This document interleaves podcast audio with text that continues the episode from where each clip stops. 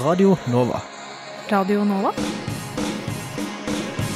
Du hører nå en podkast fra Radio Nova.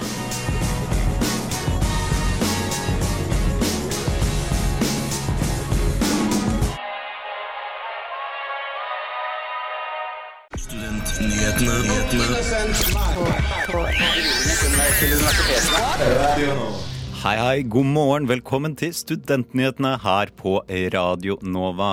Mitt navn er Martin Mathias Nøding, og med meg har jeg Josefine Ytreide Bjørstad.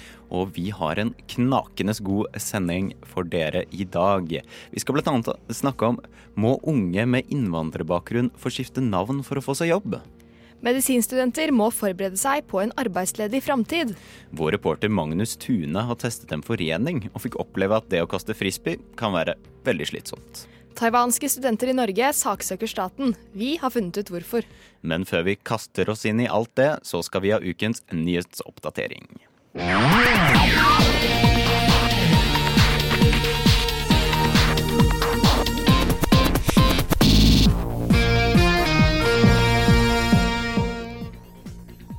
Lærermangelen øker frem mot 2020. Nye tall fra Statistisk sentralbyrå viser at lærermangelen vil øke de neste årene. Dette resulterer i at flere uten pedagogisk utdannelse jobber i norske skoler. Ifølge SSB sin statistikkbank er 7,6 av norske lærere uten relevant utdannelse. Men Utdanningsforbudet sier at det er flere enn noensinne som møter til lærerstudieplassen sin.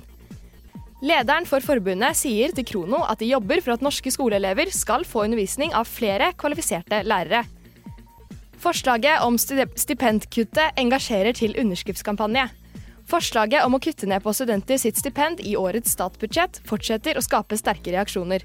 Mer enn 1000 studenter signerte på under ett døgn en underskriftskampanje som åtte studentorganisasjoner har satt i gang. Hashtagene 'ikke perfekt' og 'bevar stipendet' samler studenter for å protestere mot forslaget. Leder for Norsk studentorganisasjon, Marte Øyen, mener at forslaget bekymrer dem på vegne av studenter som møter barrierer i sin studiesituasjon. Dette snakker vi mer om i ukens studentpolitikermøte. UiO vil satse på elitestudentene. Universitetet i Oslo innfører et tilrettelagt bachelorprogram for de flinkeste studentene. Det er 20 studieplasser, og man vil oppnå fem studiepoeng mer per semester enn det man får ved en vanlig bachelorutdannelse. Det er de mest motiverte studentene som blir tatt opp, og de vil få flere fordeler. Bl.a. egne lokaler, faglige mentorer og tilrettelagte studieplaner. Leder for studentparlamentet ved samme universitet mener at det er en god satsing, men at det kan være problematisk i lengden å ha et A-lag og et B-lag. Dette var ukens nyhetsoppdatering. Mitt navn er Josefine Ytreide Bjørstad. Der fikk du Calvert med låta 'Avstand' fra Radio Nova sin ferske A-liste.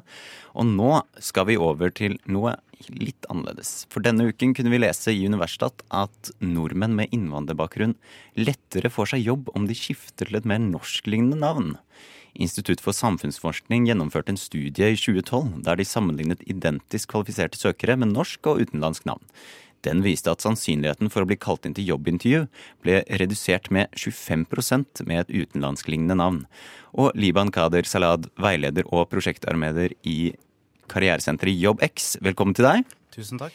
Ja, kan du forklare litt hva er JobbX for noe? Eh, JobbX er et karrieresenter som er en, egentlig et ungdomsorganisasjon under Antirasistisk Senter. Og det vi jobber med, da, er eh, jobbsøkerveiledning. Så vi har et jobbsøkerkurs hvor eh, deltakere kommer inn, og så får de lære å skrive CV, søknad og intervjutrening. Og så har vi drop-in på ulike steder av byen hvor ungdom kan komme inn og få den veiledningen de trenger. da. Mm.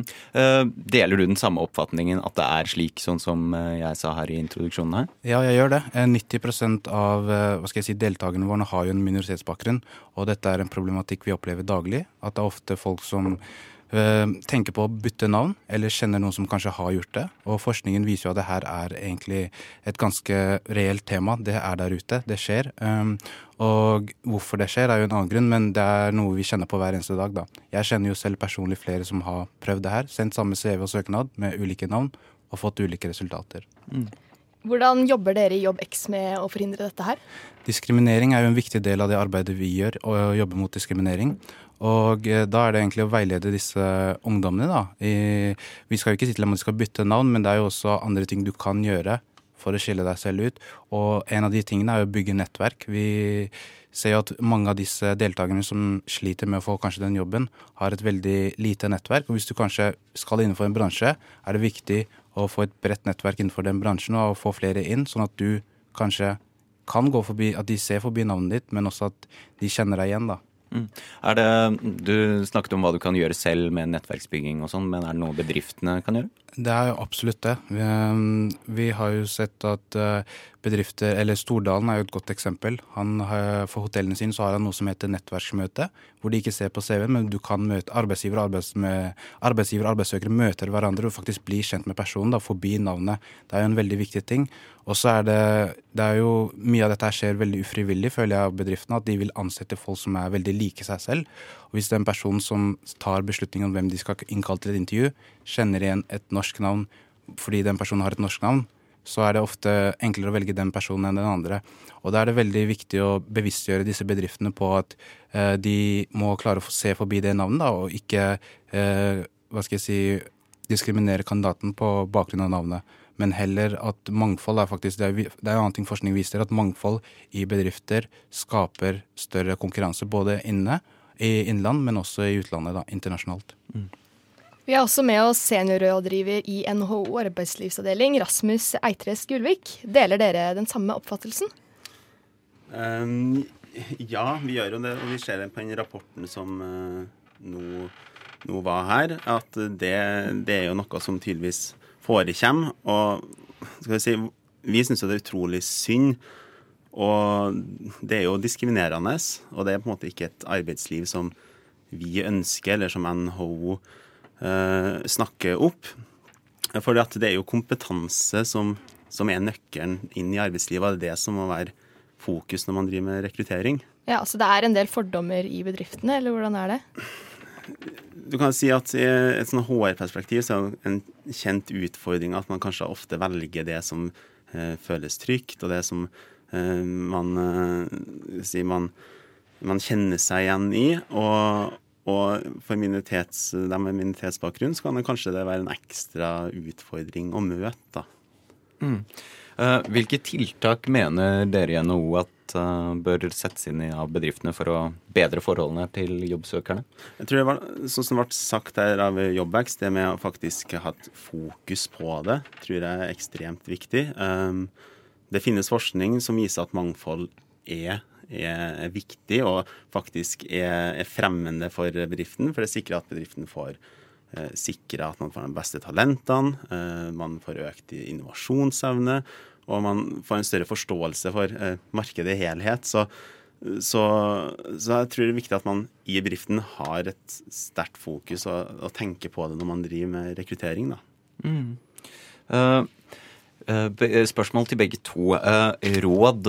Har dere noe råd til jobbsøkere med minoritetsbakgrunn? Hva er det man bør ha fokus på? For det er jo ikke en situasjon vi ønsker at man må bytte navnet sitt når man søker jobb. Men, men så bortsett fra det, hvilke råd vil dere gi til jobbsøkerne der ute? Um, det er jo egentlig veldig mye som man kan si, men det viktigste er kanskje at man som selv er bevisst på at det kan skje, at du kan bli diskriminert på bakgrunn av navnet ditt, men at du kanskje må finne heller smartere løsninger til å få den jobben.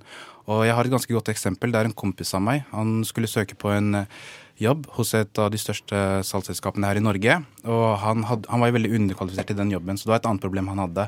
Men det han gjorde, var at han, han var veldig bevisst på at arbeidsgivere eller de som rekrutterer, ansetter folk som de føler seg komfortable med, som er like seg selv. Og han gikk inn på LinkedIn-profilen til denne arbeidsgiveren og så hvordan den arbeidsgiveren så ut. Han hadde på svart dress, hvit skjorte og så ikke noe hår på hodet. Og han, eh, kompisen min har jo ganske lite hår på hodet, men da shava han hodet, tok på svart dress og hvit skjorte på intervjuet, og ligna egentlig helt lik på den arbeidsgiveren og fikk den jobben, da. Så det var, det var, et, det var et, lite stunt han gjorde, da, men skal ikke, du, skal klare, du, skal ikke gjøre deg selv lik en arbeidsgiver, men du må klare å fremheve din kompetanse eller det du har, til arbeidsgiveren på andre måter. Um, og så skal, skal, vi også si at det er veldig mange ulike grunner til at du blir kalt inn til et intervju. Eneste grunn er jo ikke at Hvis du har søkt på 100 stillinger, så kan du ikke bare skylde på navnet ditt, men du må klare å dra f.eks. til et karrieresenter som Jobbex og kanskje få den veiledningen. Mm. For det kan være ofte at det er noe med CV-en din, søknaden din, eller hvordan du presenterer deg selv. Du må være litt så taktisk, altså, eh, i det eksempelet med han som uh, shava hodet sitt. Uh, og så må du kanskje tørre å spørre, spørre om hjelp. Uh, F.eks. dra til et karrieresenter. Er du enig i det, Rasmus? Mm, jeg er veldig enig i akkurat det med uh, å oppsøke hjelp, om det så er til dere eller på Google for den del. Finn, en, eh, finn noen tips om hvordan man søker jobb. For det er jo faktisk sånn at det er jo veldig mange med innvandrerbakgrunn som er på jobb i Norge. Ikke sant? Så, så det døra er ikke på ingen måte lukka, for vi er jo helt avhengige av at alle bidrar med den kompetansen de har mm. uh, i arbeidslivet. Bedriftene er avhengig av det, og ikke minst samfunnet som helhet. For man ser jo det at uh, hvis man ser på OECD har en sånn eh, PISA-undersøkelse for voksne som heter PIAK. Eh, der ser man jo at til en gitt poengscore så har man eh, innvandrerbefolkninga og befolkninga for øvrig helt lik sannsynlighet for å faktisk være sysselsatt. Eh, og det viser jo at eh, bedriften faktisk belønner kompetanse, og det er kompetansen som avgjør om du er i jobb eller ikke, og ikke hvilken bakgrunn du har, om du så er født i Norge eller i utlandet. Og jeg tenker Det er en ganske viktig historie om det norske arbeidslivet. Det er faktisk en plass hvor kompetanse gir uttelling og en inngangsbillett til jobb. Og jeg tror også det er et egentlig ganske viktig budskap til dem som kanskje har et annerledes klingende navn enn det som man tenker på som norske navn. Så skaff kompetanse, så er du attraktiv for, eh, for næringslivet. Mm. Eh, Et siste ord som du vil ha inn her? Um, ja, vi har, jeg syns det er et veldig viktig tema, så det at dere tar det opp, er jo veldig bra.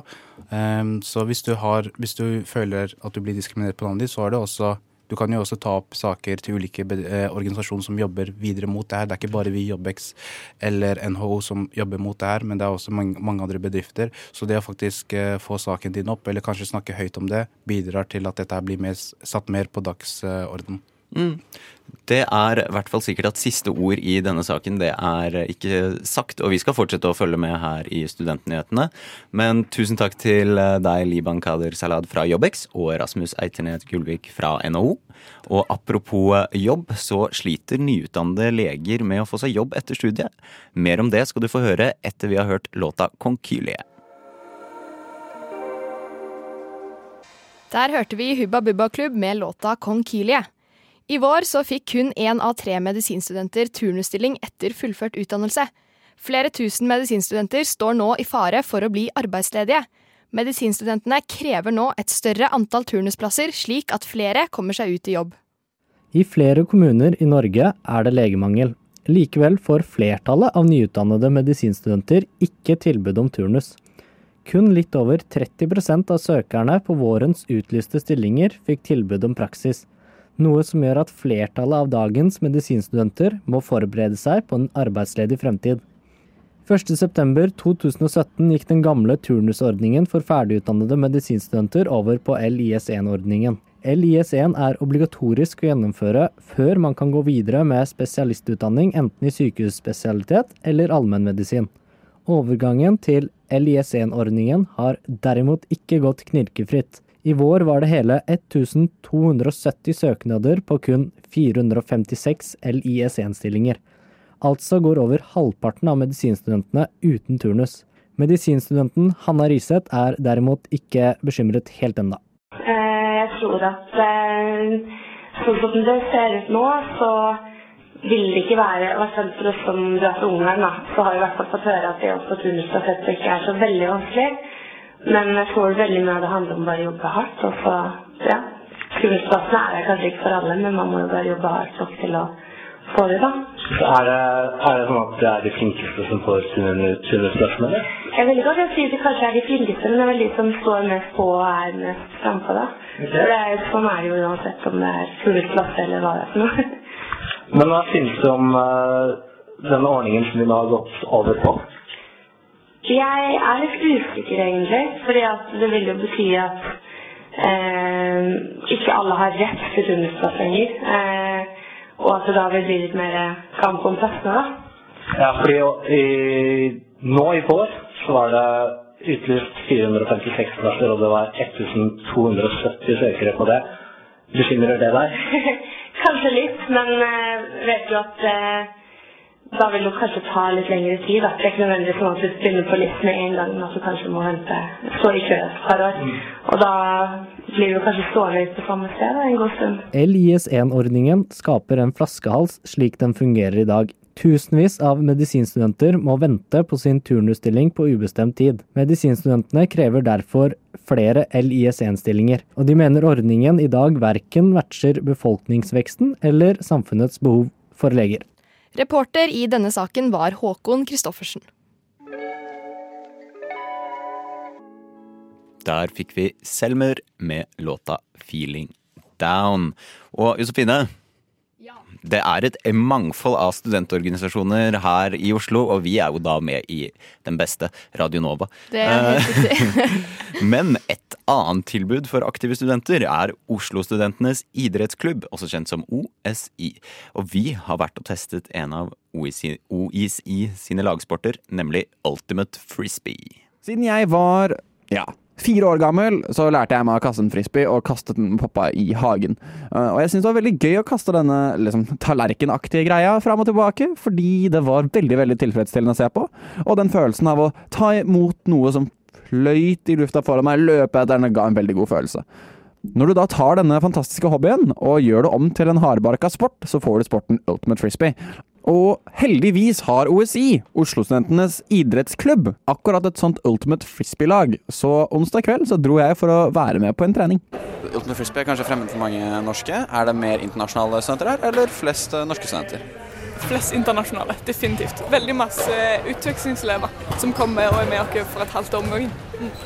Skaper det noen sånne utfordringer for dere sånn i at det ikke er så mange som er med over tid, eller er det bare gøy at folk er litt inn og ut av foreninga? Vi syns egentlig bare det er kjempegøy. Det er gøy at det kommer mange nye som har lyst til å prøve å spille frisbee. Serien begynner jo nå, på, nå til helgen, så hvilken type trening kan vi forvente deg? Er det målretta mot uh, turnering? Det er nok mye målretta, ja. Men det er mye spilling. Mye bare samkjøring av lag. Mye gøy. Mm. You have to just stop as fast as you can without falling over. If you feel like you're going to fall over, it's okay to take an extra step to just set yourself. But once you've caught the disc and stop moving, you can't. And then throw again. As soon as you've completely stopped, you have to keep your pivot foot down. Dere ser altså der at, at frisbee er ikke bare hobby, altså. Det er, de trener, det er turnering, de trener målretta, det er samkjøring av lag og når de begynte å høre på de strategiene som blir tatt i bruk De dro opp en sånn mappe med brikker som var deg, motstanderlaget, som var ditt eget lag. Du hadde disken var der, de flytta det rundt som om det var et sjakkbrett. Altså. Du følte deg ganske kul, og nivået var overraskende høyt. So we're defending this way, right? So let's say the disc is closing to our end zone, or close to our end zone, but the chasers stay the same. They, they keep chasing the disc, right? So general positions are cup, wings, det var jo selvfølgelig akkurat denne treninga det skulle være kondisjonstrening. Det var veldig veldig, veldig mye løping, suicide, fram og tilbake, stafetter, trene, trene, trene. trene. Og til slutt, når du faktisk begynner å spille kamp oh, Det er ikke lite løping der heller, altså. Hele spillet handler om å komme seg i posisjon, og hele spillet var i det hele tatt veldig, veldig gøy. Tok meg rett tilbake igjen i hagen med mamma og pappa, og dere burde absolutt henge dere på OSI Ultimate Frisbee. Det er strålende. Ja, frisbee der også. Kanskje jeg også skal vurdere å finne fram den gode, gamle frisbeen fra, fra skapet mitt. Men reporter i saken der var uansett Magnus Tune. Nå hørte du Abe Wigoda med World Heart. Taiwanske studenter i Norge saksøker staten fordi de mener at det er brudd på menneskerettighetene. Eh, våre reportere har tatt en titt på saken. Taiwanske studenter som kommer til Norge for å studere, blir tvunget av UDI til å oppgi Kina som sitt hjemland.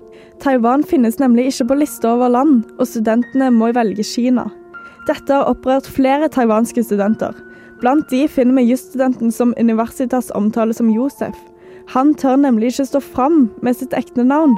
Josef anklager staten Norge for brudd på menneskerettighetene, og har nå planer om å gå rettens vei. Det var etter å ha vært i kontakt med sine jusveiledere ved UiO at Josef bestemte seg for å gå til sak. Formålet er å sette press på den norske stat. Et taiwansk nettsted som fikk høre om Josefs historie, tok kontakt, og sammen starta de en innsamlingskampanje. 16 dager etter oppstarten hadde kampanjen 933 sponsorer, og over en halv millioner kroner var innsamla. I dag nærmer beløpet seg én million. For Josef er det ydmykende å kalle seg kinesisk når han egentlig kommer fra Taiwan. Fra en Aftenposten-artikkel som ble skrevet tidligere i år, ble Josefs situasjon sammenligna med en nordmann som skulle flytte til USA og blir tvunget til å registrere seg som svensk. Etter en grundigere undersøkelse av oss i Studentnyhetene har vi kommet fram til at saken rett og slett ikke er så enkel. Taiwan er en øy som ligger utenfor Kina. Øya er en kinesisk provins og utgjør den største delen av republikken Kina. Ifølge FN-sambandets nettsider har Taiwan i praksis vært en selvstendig stat siden 1949. Det er bare noen få land som anerkjenner Taiwan som et eget land, og Norge er ikke en av dem. Til Universitas sier kommunikasjonssjef i Utenriksdepartementet at Norge i mange tiår har ført en ett-Kina-politikk. Det betyr at Norge anerkjenner Kina i sin helhet som stat, men ikke Taiwan alene. Etter å ha besøkt UDI sine nettsider, fant vi ut at om man vil besøke Norge fra Taiwan, behøves det ikke å søke om visum. Men om man derimot oppgir Kina, må man søke om besøksvisum. Så selv om de i teorien skal være en og samme stat, blir de ikke behandlet sånn i praksis. Forfatter og historiker Torbjørn Færøvik har skrevet flere bøker om Kina. Han beskriver saken som urovekkende til Universitas, og sympatiserer med de taiwanske studentene. Færøvik mener at Kina driver denne form for utpressing overfor mange land. Han sier at Norge bør opptre bestemt overfor dem. Ut fra saken kan vi reportere i hvert fall fastslå at taiwanske studenter finner det problematisk å bli kalt kinesiske, og at en rask enighet er noe vi neppe kommer til å se med det første. Reportere i den saken der var Julie Byberg Bø og Oliver Lode. En inter interessant sak som vi definitivt skal fortsette å følge med på. Nå hørte du Underwater med Ty. Eh, som du hørte i nyhetsoppdateringen, så har åtte studentorganisasjoner gått sammen om en underskriftskampanje mot forslaget om endringer i stipendordningen. På under ett døgn klarte de å samle sammen over 1000 underskrifter, og de har brukt hashtaggen 'bevar stipendet' og 'ikke perfekt'. En av de som har vært med på å starte dette, er nestleder i NSO, Marte Øyen. Velkommen til deg. Hei, hei. Takk, takk. Eh, hvordan eh, og hvorfor har dere gjort dette her?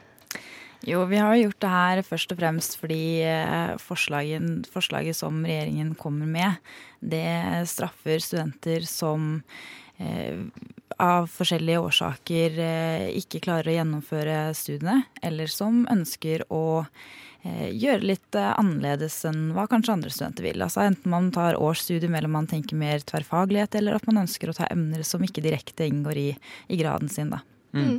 Uh, hvilke måter er det denne aksjonen deres fungerer på? Uh, dere har jo tatt i bruk litt forskjellige metoder, er det riktig? Ja, først og fremst så var vi jo eh, syv forskjellige organisasjoner eh, som eh, starta den kampanjen her. Eh, og i ettertid av det så har vi også oppretta en underskriftskampanje hvor studenter også kan eh, signere som enkeltpersoner da, og delta. Eh, og det her har jo eskalert veldig. Nå er vi 21 organisasjoner som eh, støtter oppropet. Ja. Eh, og akkurat nå er det ca. 11 500 signaturer på under en uke. Mm. Så vi er jo ganske fornøyd ja, med det. da. Det vil jeg si. Hvordan tror dere dette kan hjelpe? Tror dere vil ha noe endringskraft bak seg, eller? Ja, altså, når uh, Iselin Nybø var på Dagsnytt 18 uh, så, uh, og snakka om det temaet her, så sa hun det at det her er et insentiv for at studenter, at flere skal fullføre graden sin.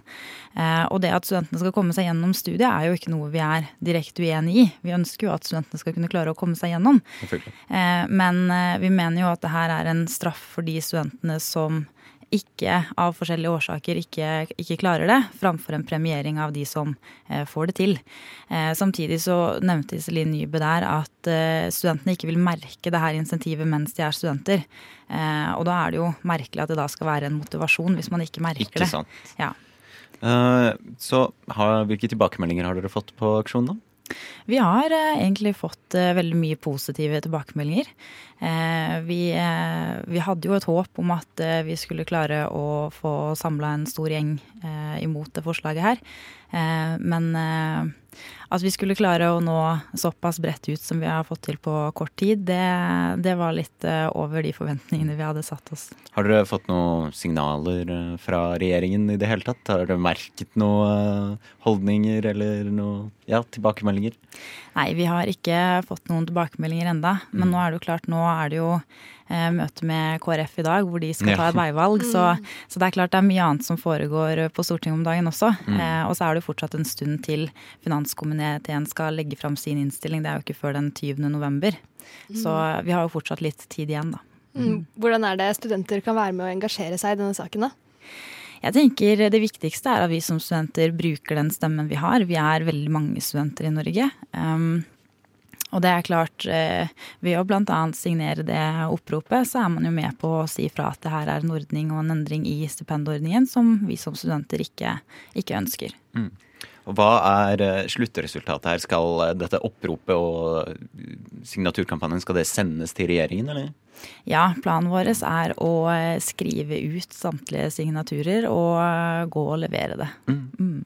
Vi skal snakke mer sammen, vi. Men før det så skal du få høre en låt. Der fikk du høre Clubs med replika. Og nestleder i Marte Nei, nestleder i NSO, Marte Øyen, er fortsatt med oss. Og nå skal vi eh, snakke litt mer om eh, da denne stipendordningen som har ledet til denne aksjonen vi snakket om. Eh, For i dag så er det jo slik at inntil 40% av lånet omgjøres til stipend så lenge du består eksamen og har riktig mengde studiepoeng. Men dette nye forslaget vil at eh, 15% skal omgjøres ved fullført grad, og kun for poengene innenfor graden. Hva tenker dere at kan skje om endringene går gjennom? Ja, eh, først og fremst så, så vil det jo gå utover de studentene som eh, møter på barrierer i studieløpet sitt som gjør at de ikke klarer å fullføre av forskjellige grunner. Eh, det kan jo være at du enten møter på helseutfordringer eller at du bytter studier rett og slett pga. mangelen av interesse Mm. for å fullføre. Eh, det kan være veldig mange årsaker. Livet skjer jo mens man er, som, er student, så, så man vet jo aldri hva som kan skje. Um, og samtidig så, så vil det jo gjøre at de studentene som velger å ta årsstudium, også etter- og videreutdanning, eh, da ender opp med å ha eh, høyere gjeld da, når du er ferdig som student. Mener dere at eh, regjeringen på en måte straffer studentene? Ja. Ja, Det er NSO sitt standpunkt? Ja, det Ja, er mm. eh, De argumenterer med, med det forslaget her med at de, de ønsker å eh, redusere frafallet. Mm. Men hvis vi ser på frafallsstatistikk, så er det ingenting som tyder på at det forslaget her skal, skal kunne bedre det. Mm. Eh, og det er jo ikke så veldig mye forskning som har gjort på frafall i høyere utdanning. Eh, men det er ei eh, dame som har forska på det, som heter Elisabeth Hovdhaugen fra NIFU. Eh, og hun eh, støtter også studentene i det opprøret her mot at det, eh, det ikke vil, eh, mest sannsynlig ikke vil bedre frafallsstatistikken i høyere utdanning. Det er jo beregna at staten kommer til å spare ca. 255 millioner kroner på dette her. Eh, og hva tenker dere om at staten har lyst til å spare så mye penger på oss som er fremtida, da? Nei, Vi mener jo det er helt feil at eh, studentene og, og unge, altså framtidens studenter, skal være en form for sparebank for regjeringa. Det mener vi de fint må kunne klare å finne et annet sted. Eh, Hvis de ønsker at eh, unge og studenter skal fullføre graden og ta høyere utdanning, så må de også legge til rette for at det faktisk er mulig å få gjort. Mm. Jeg tenkte på Vi hadde jo nå dette semesteret resultatet fra SHoT-undersøkelsen kom, og vi fikk vite at det er mange studenter som sliter. Og nå har vi dette forslaget. Eh, Hvordan mener NSO at Iselin Nybø og da regjeringen eh, gjør de en god nok jobb, eller? Så langt? Ja, altså vi mener jo at uh, Iselin Nybø og regjeringen med det forslaget her gir med den ene hånda og tar med den andre. Mm. Uh, for det er klart regjeringen har gjort veldig mye positivt også som vi absolutt skal ta med oss. Uh, blant annet opptrappingen til elleve måneders studiestøtte, som er kjempebra. Men det er klart, det, det at de har gjort positive ting for studentene tidligere, gjør ikke det forslaget her noe bedre Mm. av seg selv. Eh, så det, det forslaget her er jo likevel et veldig dårlig forslag. Ikke sant. Mm. Ja, eh, hva er deres ønske for studentene når det kommer til hvordan stipendordningen skal være? Skal det, ønsker vi at det skal være sånn som det er, eller er det en endring dere ser for dere som kunne vært mer positivt enn den som er eh, lagt frem nå? da? Vi ønsker at eh, stipendordningen skal være sånn som den er i dag. Mm. Vi mener at det er den løsningen som gjør at eh, studentene kan ta det løpet de selv passer for seg selv, eh, og at de ikke straffer seg å bytte studier. Eh, det er ikke så enkelt å være 18-19 år og skal finne ut av hva du har lyst til å studere. Og det er heller ikke gitt at man treffer på første forsøk med at eh, man traff det studiet som, som passa for seg selv. Så det må være rom for å kunne ombestemme seg og ta en annen grad. Og vi mener jo også at ingen, ingen eh, utdannelse eller høyere utdanning, enten det leder til en grad eller ikke, er unødvendig for samfunnet. Det, det er en kompetanse du vil få bruk for uansett, og det mener vi også regjeringen må være med å anerkjenne. Når kan vi forvente å se noe resultat av denne stipendaksjonen? Eh, først og fremst så må vi jo se på eh, finanskomiteen sin innstilling den 20. november. Mm. Eh, da vil vi få en liten pekepinn på om det har fungert eller ikke. Ja. Og så vil det jo til syvende og sist være opp til Stortinget da, å ikke vedta forslaget. Mm. Mm. Vi skal i hvert fall fortsette å følge med. Tusen takk for at du kunne komme, Marte Øyen, nestleder i NSO. Nå er det på tide med en ny låt. I studio i dag hørte du Martin Mathiassen Øding og meg, Josefine Ytreeide Bjårstad. Tekniker var Celine Stensrud. Husk å følge studentnyhetene på Twitter, Facebook og Instagram. I tillegg så må du huske å høre på podkastene våre på Soundcloud. God helg.